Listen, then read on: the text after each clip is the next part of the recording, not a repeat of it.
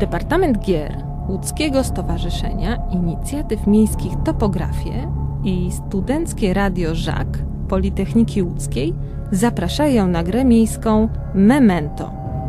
Czyta Mariusz Słupiński.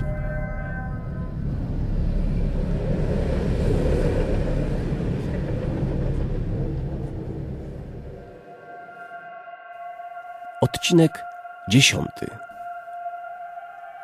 Czym skorupka za młodu nasiąknie. Robert nie chciał marnować ani chwili. Mimo iż nikt go nie poganiał i obiecał sobie, że będzie pracował w skupieniu i powoli, bardzo chciał wykorzystać każdą minutę. Ponadto nie mógł doczekać się kontaktu z mistrzem, ale ten powinien nastąpić już dawno.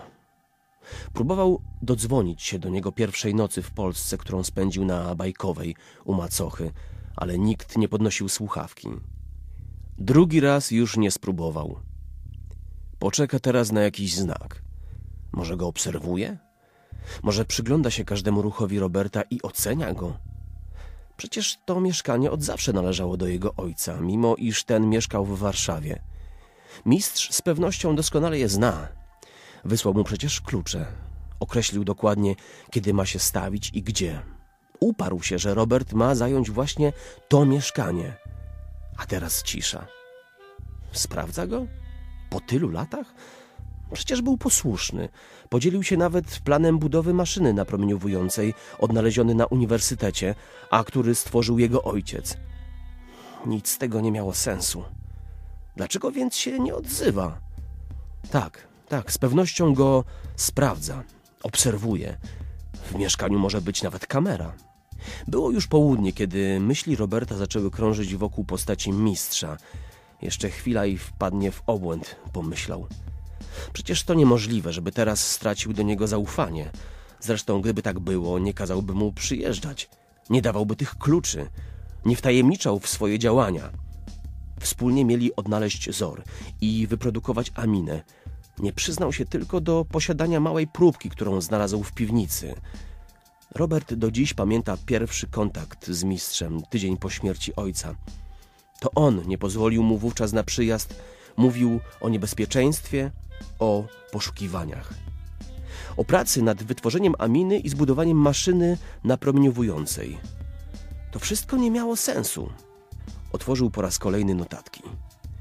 Pismo było bardzo staranne, jakby drukowane, bo ojciec uczył się kiedyś kaligrafii. Jego też chciał nauczyć, ale wyprowadził się z domu. Robert nie czuł do niego niczego poza urazą zmieszaną z podziwem do jego pracy. Tak naprawdę dopiero mistrz okazał mu ojcowskie uczucia, budując w nim poczucie własnej wartości. Nagle, kiedy jego myśli krążyły wokół spraw rodzinnych, w notatkach znalazł fragment, którego wcześniej jakby nie zauważał. Na pożółkłej stronie ojciec opisał swoją wizytę w Muzeum Sztuki. W sali neoplastycznej natknął się na pewną rzeźbę, która bardziej przypominała metalową konstrukcję niczym stelaż pod jakieś urządzenie. Teraz dopiero wczytał się w tekst i zdał sobie sprawę, że ojciec opisał maszynę antyfalową, której zadaniem było neutralizowanie promieniowania aminy. W dodatku maszyna ta została skonstruowana przez rzeźbiarkę, która zmarła w latach 50., czyli w czasie, kiedy ani jedna próbka aminy nie powstała jeszcze. Zbudowanie maszyny było możliwe dzięki wiedzy na temat możliwych właściwości zoru i aminy bez ich fizycznej obecności. Dopiero teraz przypomniał mu się szkicownik ojca, w którym widział rysunek zdumiewająco zgodny z opisem konstrukcji. Przetrząsnął notatki leżące na podłodze, w końcu go znalazł. Na gładkiej kartce bardzo starannie był narysowany cienkim ołówkiem schemat maszyny. Jeden z jej elementów widniał jako odwracacz fal, skonstruowany przez Ludwika Kranca. Na odwrocie kartki był narysowany jego schemat, a poniżej ciąg znaków. Robert przyglądał mu się dłuższą chwilę, ale dość szybko zorientował się, że jest to szyfr. Zaszyfrowana wiadomość. Ojciec, zanim jeszcze wyprowadził się z domu, uczył Roberta wielu pozornie nieprzydatnych rzeczy, które teraz miały zaowocować. Właśnie dzięki temu teraz wiedział, że to szyfr Rebeka.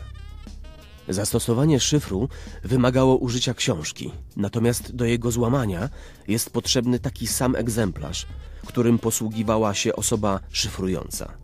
Ale pod ciągiem znaków Robert znalazł tylko pojedyncze litery S, M, N, myślnik NS. Bez sensu. Żadnego tytułu, wydawnictwa, nawet autora. Obok sterty notatek stało jeszcze drewniane pudełko, a wewnątrz szare, metalowe elementy. Niektóre nosiły ślady rdzy. Kolejny notes, kolejny schemat. Tym razem urządzenie odbierające sygnał, aktywujące napromieniowane cząstki. Z notatek wynikało, że ojciec je zbudował, ale kiedy stracił pęd do wcielania w życie swojego planu, oddał urządzenie na przechowanie w pewne miejsce, do którego z jakiegoś powodu nie zapisał adresu, tylko sporządził mapę. Dziwne, czyżby ojcu pomieszało się w głowie i pod koniec życia zapragnął zabawy w podchody? Skrzywił się na tę myśl okrutnie, ale miał nadzieję, że być może jutro uda mu się to miejsce odnaleźć. Do tej pory Robert był pewien, że wszystko, co mogłoby służyć do napromieniowania aminy i aktywowania jej, musi skonstruować wraz z mistrzem. Tymczasem miał przed sobą gotowe urządzenie, które jednak nie działało i nie było kompletne. Zanim zdecyduje się na złożenie go w całość, musi dowiedzieć się, dlaczego nie działa. Jaka jest przyczyna tego, że mimo iż ojciec postępował zgodnie z założeniami konstrukcji maszyny niwelującej fale, a także sam skonstruował urządzenie do odwracania tego procesu, maszyna nie działa? Jakby brakowało jednego istotnego elementu. I jego ojciec, co w sytuacji, gdzie był to człowiek uczony i sam uzyskał nieodkryty pierwiastek, nie umiał sobie poradzić ze znalezieniem tego błędu. To nie mogła być prawda. Robertowi nie mieścił się w głowie taki banał. Musiał to sprawdzić. Szyfry? Szkice? Gotowe elementy do poskładania niczym klocki Lego? Dla kogo ojciec chciał zaszyfrować tę wiadomość? I dla kogo narysował plan wskazujący miejsce ukrycia innych cennych rzeczy? A może kogoś prosił o pomoc? Czy tą osobą był jego mistrz? Przecież mówił, że tylko obserwował pracę Ludwika Kranca. Zerwał się czym prędzej z podłogi, wszedł do łazienki, umył twarz lodowatą wodą. Nie zdążył wypić drugiej kawy. Sprawdził adres Muzeum Sztuki w przewodniku z mapy, dowiedział się, że nie jest to znaczna odległość. Mógł więc iść pieszo, mimo że mu się śpieszyło. Założył podkoszulek z herbem Penny University, wyrwał kartkę ze szkicem maszyny i wyszedł. Dzień był ciepły, żeby nie powiedzieć, że gorący. Szedł szybkim krokiem i czuł, jak po plecach spływają mu kropelki potu. Gorące powietrze mieszało się ze spalinami, dając nieprzyjemne uczucie, jakie kojarzyło mu się z mieszkaniem na Raid Street.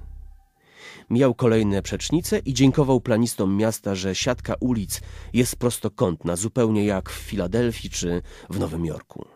Po niespełna półgodzinnym spacerze dotarł do muzeum. Wszedł do środka, zapłacił za wstęp i odszukał salę neoplastyczną. Przyjrzał się uważnie rysunkowi na kartce, w końcu znalazł. Stanął nad eksponatem, patrząc i nie rozumiejąc, w jaki sposób coś tak prostego mogło działać.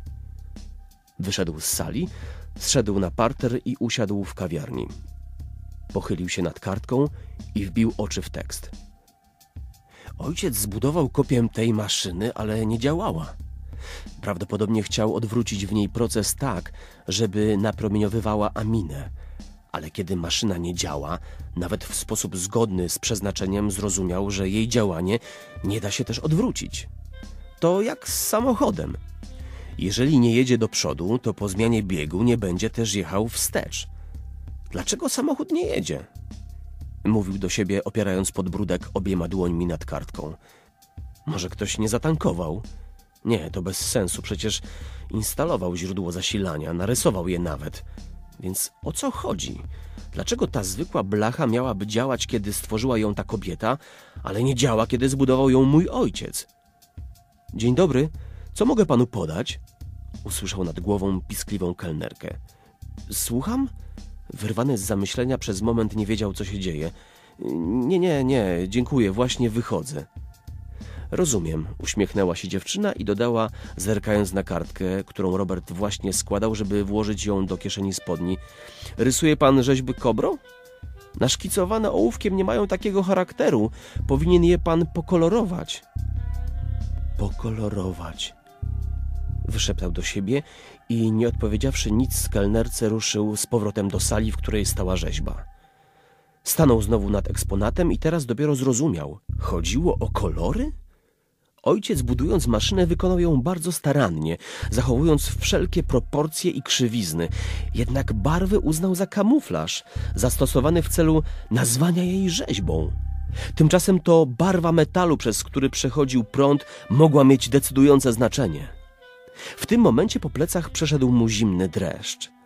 Czy to z ekscytacji, że odkrył coś, czego mógł nie odkryć ojciec? tak był z siebie dumny. O i znowu to uczucie. Czuł na plecach jakby przeciąg. Wcześniejszy dreszcz nie był chyba wynikiem ekscytacji. Coś było nie w porządku. Odwrócił się, bo poczuł na sobie czyjś wzrok. Jednak nikogo za sobą nie spostrzegł. Co za bzdura, przecież mistrz nie mógł wiedzieć, że dziś tu przyjdzie, więc z pewnością go nie obserwuje. Musi stąd wyjść. Ukucnął jeszcze przed rzeźbą i na kartce zapisał kolory, jakie mają poszczególne elementy. Robert wyszedł pośpiesznie z sali. Kiedy schodził do wyjścia, wszedł do sklepu z pamiątkami. Zafascynowała go postać rzeźbiarki budującej takie konstrukcje. Dzień dobry. Czy prowadzicie państwo sprzedaż książek? zapytał. Owszem, odpowiedziała kobieta przy kontuarze.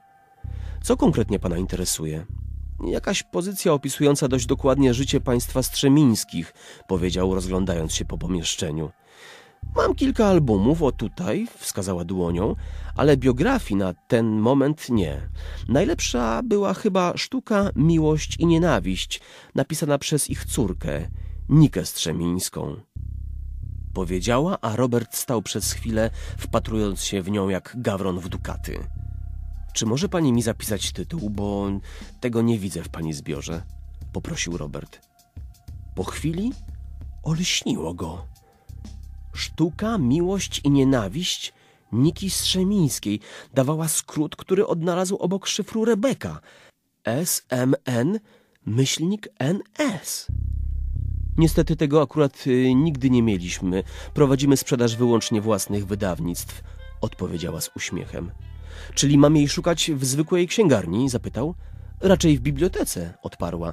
Nakład dawno się wyczerpał i chyba już nawet przez internet jej pan nie kupi. Na pewno Biblioteka Piłsudskiego posiada egzemplarz. Biblioteka Uniwersytecka. No, musi pan poszukać. Rozumiem. Dziękuję, do widzenia. Odpowiedział i wyszedł. Do widzenia. Kiedy znalazł się na ulicy, wiedział już wszystko. Książka, która posłużyła do szyfrowania, jest dostępna w bibliotece, ale to nie jest problem. Odszyfrowanie wiadomości zajmie mu wówczas kilka minut. Informacja była bardzo krótka, maksymalnie sześć słów. Pewnie to adres albo nazwisko z adresem. Musiał się śpieszyć, było już późne popołudnie, a jeszcze dziś chciał się dowiedzieć, co ojciec zaszyfrował na odwrocie rysunku. Pomyślał po raz kolejny o tym, że jednak jest szczęściarzem i że jego mistrz na pewno będzie z niego zadowolony. Szedł teraz wzdłuż Gdańskiej i uśmiechał się do siebie na myśl o tym, ile rzeczy, o których mówił mu ojciec teraz może mu się przydać. Nie interesowało go, co by powiedział o zamiarach Roberta i jego współpracy z mistrzem. Nawet jeżeli pod koniec życia nie chciał już zniszczyć miasta, nie był to powód, dla którego Robert miałby zmieniać swoje plany i szanować ostatnią wolę Ludwika Kranza. Nie czuł się szczególnie związany z człowiekiem, który nie był zainteresowany jego wychowaniem. Cóż, pomyślał, jak kto zasieje, tak zbierze. I poszedł prosto na południe, czując za plecami znów ten nieprzyjemny chłód, jakiego doświadczył w muzeum. Odczucie to jednak było tak krótkie, że szczególnie się nim nie przejął. Dzisiejszej nocy złoży maszynę z elementów, jakie wyprodukował ojciec. A kto wie, może uda mu się znaleźć odwracacz fal. Z tą myślą szedł przed siebie i był pewien, że cały świat jest po jego stronie.